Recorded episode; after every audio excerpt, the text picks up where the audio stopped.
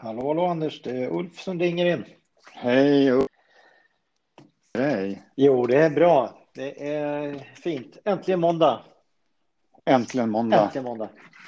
Men faktum är Och att jag har har- längtat lite, för jag, det, jag hade en del eh, saker att ta tag i och sjösätta och lite sådär. Så det var skönt faktiskt att komma igång idag. Så. Men är det, är det i... Du, det är fantastiskt. Det är, det, det är vår och snön håller på att rinna bort och det är så här geggigt och det luktar så där som när, när hundbajsen kommer fram. Och det, det betyder faktiskt någonting bra och det betyder att jag kommer att fylla år snart. Jaha. Ja, när hundbajsen och det luktar så här riktigt stickande fränt vidrigt. Då vet jag att då är det min födelsedag. Ja. ja, olika Och- Ja. utlösare för lycka. Ja. Ska vi säga någonting om helgen Ulf? Eh, Ja, där är det. Jag behöver inte brodera ut så mycket. Den var vilsam. Ja, ja. Det låter som du vill dela något. Ja, vi sjösatte ju podden. Ja, i- där ja. fasen. Där, Du har där. ju ett närminne som en guldfisk. Ja, men du, vad är det som hände igår? Vi har spelat in tio stycken. Vår plan var ju att spela in tio stycken avsnitt utan att berätta det för någon. Och en av, du har ju en kollega som är i fena på Nosaret. Han, han hade ju hittat den. Ja, Ja. är man, är man gammal, ehm, är man gammal underrättelseagent så. Ja, Ja. och dessutom, dessutom kommit med, med, med kärlek och beröm. Ja. Eh, Men vi lanserade igår, så nu har vi gått ut på sociala medier och nu har vi berättat att det finns. Det har, ja, men det har, ju, det har ju varit lite respons, det har varit kul. En, en, en gammal kompis till mig skrev, Elias, hej Elias, eh, hej jag har binge-lyssnat på alla avsnitt. Det, det, ja, men det gjorde mig superglad. Mm, vad kul. Ja, men eh, jag tänker vi har ju fått här en plattform för att komma in med eh, ämnen, inte bara responser och glada hejarop, utan om man vill lägga till eller föreslå någonting vi ska adressera så är det här Mm. nu möjligt via LinkedIn och via Instagram. Ja, Så det är bara att skriva till eh, Safety-podden och föreslå saker. ja.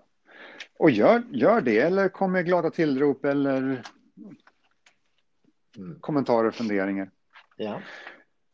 Ja, jag har en fråga till dig. ja, jag tänkte fråga vad vill du prata om idag, men det kanske är frågan. Jag tänkte att du ska få prata idag. Nej, jag tänkte att vi, vi skulle prata om, om det här med att förankra safety-arbete. Vi har pratat om att förankra uppåt i vd, ledningsgrupp. Men jag skulle, tänkte att, jag skulle vilja prata om att förankra safety-arbete neråt till, ja, men till medarbetare, operatörer och Mm. snickare och Ja. Lagerarbetare och allt vad det kan vara. ja, de är ute i verksamheten kan man säga. Ja, men de vars tummar och knän det gäller. Mm. Mm. Första Ja. frågan, behö... nu, ställer, nu ställer jag en dum fråga här. Ja, den personen, behöver man verkligen förankra till dem? Är inte det så himla självklart? Det är misstaget eh, man har gjort historiskt när man gått ut i, i eh, organisationen och pekat mer eller mindre med hela handen. Man har kommit med ett eh, direktiv mer eller mindre. Nu ska vi göra en metod här och nu ska vi göra på det här sättet. Sen så man pekar inte med hela handen, men det, det har varit en, en, en, en vanlig eh, företeelse att man rullar ut, man rullar ut saker och sen så har man att eh, anpassa sig efter det. Mm. Det finns ju alltid olika mått av medbestämmande, det vet jag. Särskilt i, i Sverige då så har det funnits under lång tid. Så att man, man pratar med folk och låter dem vara med och så vidare. Men det finns fortfarande väldigt mycket att göra där när det gäller att vara eh, delaktig. Och, Mm. Så att jag skulle säga, nej, det finns oerhört mycket att hämta av eh, att förankra det här hos personalen på ett bra sätt. Jag skulle säga att det är A och O faktiskt. Att det ska bli riktigt bra. Eh, Så att det är bättre. eh, Hela det som du har jobbat med, det här med beteendebaserad säkerhet, det kallas för en frontlinjedriven process. Mm. Eh, Och, och det går inte att det går inte att ha peka med hela handen förfarande då, utan det, det börjar med en inbjudan helt enkelt. Så att eh, de som kommer leda arbetet i stora delar är ju de som är ute i verksamheten. Det är de som väljer, utifrån de riskanalyser man gör tillsammans, så väljer man de beteenden man ska öka och jobba med för att förebygga risker. Så att det är i allra högsta grad nödvändigt att de som det berör är, liksom, är med på det här. Någonting som jag tycker är så otroligt häftigt när, när jag hör dig säga det här, och jag har hört dig säga det här så många gånger. Men det, det är ett ord som jag bara fastnar på att jag tycker det är så härligt att höra. Och det är, nu får du hjälpa mig så det blir rätt, frontlinjedriven förändring. Så är jag rätt nu? Ja, det är helt rätt. Frontlinjedriven förändring. Alltså, först tänker jag liksom på, på ett fordon som är framhjulsdrivet, att det, att det är liksom det som är längst fram som ser till liksom att, att det här åbäket liksom rör sig. Och jag tänker det är, det är egentligen det som, som du beskriver, att, att det är där som dels är det som gör att det går framåt, men också det som att det finns en styrning där. Mm. Det är de som liksom så avgör vad riskerna är och också avgör hur riskerna ska hanteras. Mm. Och det är liksom de som äger. Men kan du beskriva för mig hur, hur, ser, hur ser en förankringsprocess ut? Om, om jag, nu sätter jag ut dig på maintenance på, på, någon, på någon pappersbruk eller på någon lager någonstans. Och så, och så ska mm. du och så ska du göra en förankrings... Du ska förankra det här. Hur, hur går du tillväga då? Mm. Det bästa är ju om man kan göra en, en, för, en förundersökning. Det låter ju konstigt, det är inget kriminellt här. Men göra en, någon form av assessment eller kulturgenomlysning när det gäller säkerhet. Inte en vanlig, inte en vanlig personalnöjdhetsundersökning utan en särskild, som riktar in sig på vilken säkerhetskultur man har. För då har vi tillfälle att träffa en mängd ut, av medarbetarna, inte bara, inte bara frontpersonal utan alla möjliga, både på maintenance och i, i management och i chefsled och allt möjligt. Det är det bästa, för att börja prata om det och informera till samtliga vad beteendebaserat säkerhetsarbete går ut på, vad syftet är. Att det handlar inte om en klappjakt på syndabockar, utan tvärtom fylla ett system med säkra beteenden så att vi inte har plats för riskbeteenden. Så det är det bästa att kunna träffa Eh, väldigt stora delar av personalen först. Eh, men när man väl har börjat, brukar jag väl säga om du, en sak du måste lära dig så är det att lyssna och sen lyssna och sen har du lärt dig det så du lyssna lite till.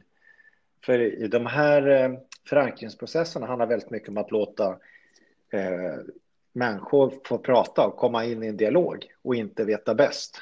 Utan eh, bygga en relation helt enkelt, där man lyssnar på, på medarbetarna och vad de ser, eh, risken och så. Då kan det vara nödvändigt att få pysa först. Vi brukar köra lite eh, uppvärmningsövningar med så här, vilka gruskorn och guldkorn har ni i ert säkerhetsarbete idag? Och det brukar inte vara svårt att få igång snacket. Eh, och det är inte bara gruskorn, det är mycket guldkorn som dyker upp också idag. Det har hänt mycket i svenskt, eh, ja, eller i säkerhetsarbete över hela världen, men, men i svenskt säkerhetsarbete så har mycket hänt de sista 20 åren. Eh, så prata och ha en dialog. Och sen så har jag några punkter som handlar om att, att ge en översikt med vad som, vad som kommer ske och vad syftet är och hur metoden ser ut. Eh, och sen så brukar vi många gånger plocka ut, plocka ut representanter för personalen, men jag, jag har ändrat mig lite där.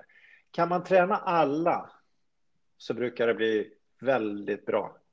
Eh, då vet alla att det handlar inte om någon slags eh, klappjakt, utan tvärtom att man vill lyfta varandra att jobba ännu lite säkrare. Vi gjorde i höstas ett jätteroligt arbete i Eskilstuna på en verkstad där och där var alla medarbetare med och det kändes eh, fantastiskt att lära känna alla och få med, få medhåll att det här var ett, ett nytt sätt att arbeta.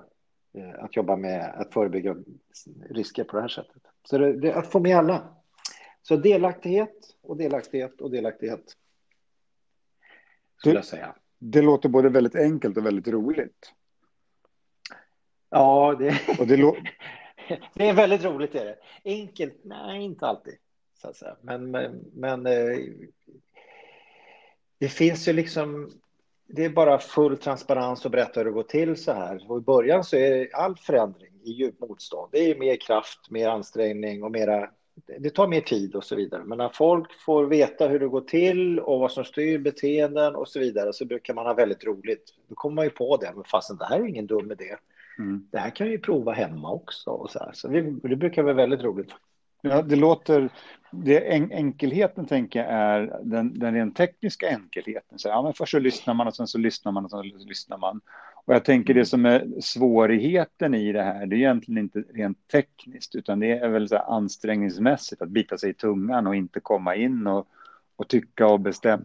Och, och, och den delen är så att det, jag tänker att det är enkelt eh, och svårt på olika plan här. Och det, ja. och det jag också gillar i det här som jag tycker är så coolt är att du, du sticker ut hakan lite här. Jag vet inte om du tänker på det just den här gången. Men ska man, ska man, ska man prata förändringsarbete, då kommer man, då säger någon kotter och sen så säger någon så, ja men vi ska hitta early, early starters, early adapters, ska vi börja med dem och sen ska vi liksom så här och, och, här säger du så bara, nej men det här, det här går faktiskt att göra med hela, eh, hela arbetsgruppen. Det här behöver vi inte lägga tid på att identifiera early starters nödvändigtvis. Det tycker jag, det är lite grann som ett Alexanderhugg i en modell som funkar visserligen väldigt bra, men här kan man göra ännu, ännu mer. Det låter ju, jag har ju sett det göra det här, jag tycker det är ju häftigt. Det är roligt att du nämner Kotter. Kotter har jag varit förbannad på. Eh, för min, när jag läser och tolkar Kotter så är det väldigt mycket blame. Han, han, han skyller på folk när det inte funkar och det, då blir jag förbannad. Mm. Men sen så har jag läst han igen och igen och så inser jag att man har ju några punkter som faktiskt är riktigt bra, men de är på för hög nivå. Så jag kan i vårt arbete när vi jobbar med beteendebaserad säkerhet så kan vi använda Kotter, men, men det är mer konceptuellt medan beteendeanalysen kommer in på detaljerna. Mm. Så att eh, de behöver inte motverka varandra. Jag, jag tror att om, om, vi, om vi ska använda oss av kotter så behöver vi nog en annan gubbe till. Det är min, här kommer min favoritgubbe alla kategorier. Han har varit död så länge. Nu blir jag nyfiken. Eh, Karl Marx. Nej. Ännu mycket Karl Marx. Han är en liten... Nej, ännu en. liten, liten, vad säger man, liten fjärt, liten liksom så barnportion. Eh, William. Ja, men vem är det då? Jag kommer inte ihåg om det är William eller Wilhelm. Ockham. Okay. Ockhams rakkniv. Som sa att om vi har två modeller som, som vi står emellan, då ska vi ta den modell som, som, som förklarar mest. Och har vi två modeller som förklarar lika mycket, då ska vi ta den modell som är enklast. Och här har vi Kotters modell. Och sen har vi Ulfs modell som är liksom Kotter minus tre steg. Uh, inte Ulfs modell. Inte Ulfs modell. Någon, någon, annans, någon annans modell. Nej, men, ja. ja men här, har vi, här har vi Kotters modell och, och sen så upptäcker vi att ja, men ja. På, på, på, i den här maskinverkstan eller på det här laget, här kan vi liksom ta bort tre steg utan att förlora någon ja. förändringskraft, ja, men då är det den vi ska, då är det den vi ska använda oss av. Men jag skulle säga i verkstaden så funkar inte Kotter på det sättet. För det är så mycket handgripliga saker. Så när vi går till beteendeanalysen så är det så självklart enkelt. För det är beteende det handlar om. Ja. Och det är det vi har på golvet. Och det är, så, det är, det är för mig väldigt mycket mer instruktionsvärde då. I, i, i så här mutter och skruvnivå. Um, så att jag skulle säga, även om, om man ska ta den enkla modellen som förklarar bäst och så vidare, men det kan finnas olika nivåer där två modeller måste sam, samverkas eller sam, knådas samman. Då, mm. Eh, men det var någonting jag skulle säga till dig som du pratade om i början. Vad sjutton var det? Det var ju någonting viktigt. Mm. Ja, jag får släppa det. Eh, det kommer strax. Eh, men du, ja. Eh, att lyssna, det är väl det som är kvintessensen då, inte peka med, med hela handen. Alla de processer som, som man företar, särskilt i det här med eh, ständig förbättring, lean och så vidare, de har en tendens till att vara lite pekande med hela handen och skicka ut tidsstudiemän och annat och sånt där. Och det är jag lite eh, skeptisk till, även om intentionen är god. Mm. Eh, så finns det inte så mycket delaktighet alltid med i de här processerna. Däremot när man släpper in delaktighet i de processerna som inte kommer från beteendeanalysen, då tycker jag att då, då, kan man komma väldigt långt med andra metoder också. Men delaktighet skulle jag säga, man, man klarar sig inte utan det. Mm. Inte i den kultur vi har här i alla fall. Ja, jag får en, en tanke som, som jag har stött på när jag har varit och förankrat i arbetsgrupper. Som eh, Ja, men jag tänker på, på, på, det här första som du säger, ja, men då får man, då får man plocka vad sa du, guld och grus. Ja. Jag brukar tänka när jag kommer in i en grupp och så börjar jag lyssna på, på hur det är. Tänker att jag, behöver, jag, jag, jag har en sån bild av när, när människor pratar. Det är lite grann som när man, när man ska stoppa korv. Att det, det första det där som kommer ut, ja, men det, det kan vi inte ta på allvar det kan vara bra grejer, men det kan också vara saker som, som, ja, men som man vrider ur sig, som man inte riktigt menar, man är nervös eller man vill testa, man vill liksom så här, att, att det, det, finns en, en, stor risk att det man får är, är jargong. Och det, som, det första som går igenom när vi stoppar korv, det ska vi inte ge till hundarna ens, för det är liksom massa olja och skräp. här, det ska vi inte ta på allvar. Eh, det kan, det kan liksom så här, ja, bra, ja, men det, det första som folk säger, ja men var generös och bara kasta det. Det andra som kommer, ja men här börjar det likna någonting. Här kommer, liksom här, kommer det finnas kvalitet i de korvarna. De är inte så himla snygga. Det kanske är liksom lite konstig blandning i, ja men det kan vi ge till hunden eller det kan vi käka i lunchlådan eller någonting, men inte de goda grejerna. Men här börjar det liksom så här, det är inte fa sådär liksom så det, men, men, vi ska liksom inte säga att det, det, är det här det ser ut. Och sen så, när, ju längre vi håller på så kommer de här liksom, så kommer det fler och fler guldkorn. Och det kan ju vara så att det kommer guldkorn det första som kommer. Men är det så att det första som kommer är guldkorn och vi fortsätter lyssna, ja, men då kommer guldet bara, bara flöda ur det. Men jag tror att om, om vi pratar med, om, om baseline, jag gillar den, den bilden, för när vi gör en baseline så vet vi det första som händer när vi startar en process eller en maskineri eller vad det är för någonting så kommer det en väldigt stor ojämnhet. Och, och, och, och, och vi behöver vänta tills vi har liksom en stadig stadig lunk, en stadig... Eh, då vet vi att ja, men det, det, är det här det ser ut. Så jag tänker liksom när vi börjar lyssna, och speciellt jag som är psykolog i botten, då tycker folk det är jättekul att säga knasiga saker för att se om jag, om jag står pall för det. det jag får göra så himla mycket tokerier som folk säger till mig på skämt för att de tycker det är, de tycker det är kul. Och, jag håller, alltså det är ju, och det är ju roligt också, men då kan vi liksom inte bygga förändringsprocess på, på ett prank. Eh, det här med att det, det första korven, det ska man slänga. Det, när du säger det, då kommer jag på det här som jag glömde lägga till då. Du nämnde det här med föreskrifter, lagar och regelverk och så vidare. Eh, jag tänker när man sätter igång den här processen med att lyssna, då säger folk vad de tror att man vill höra.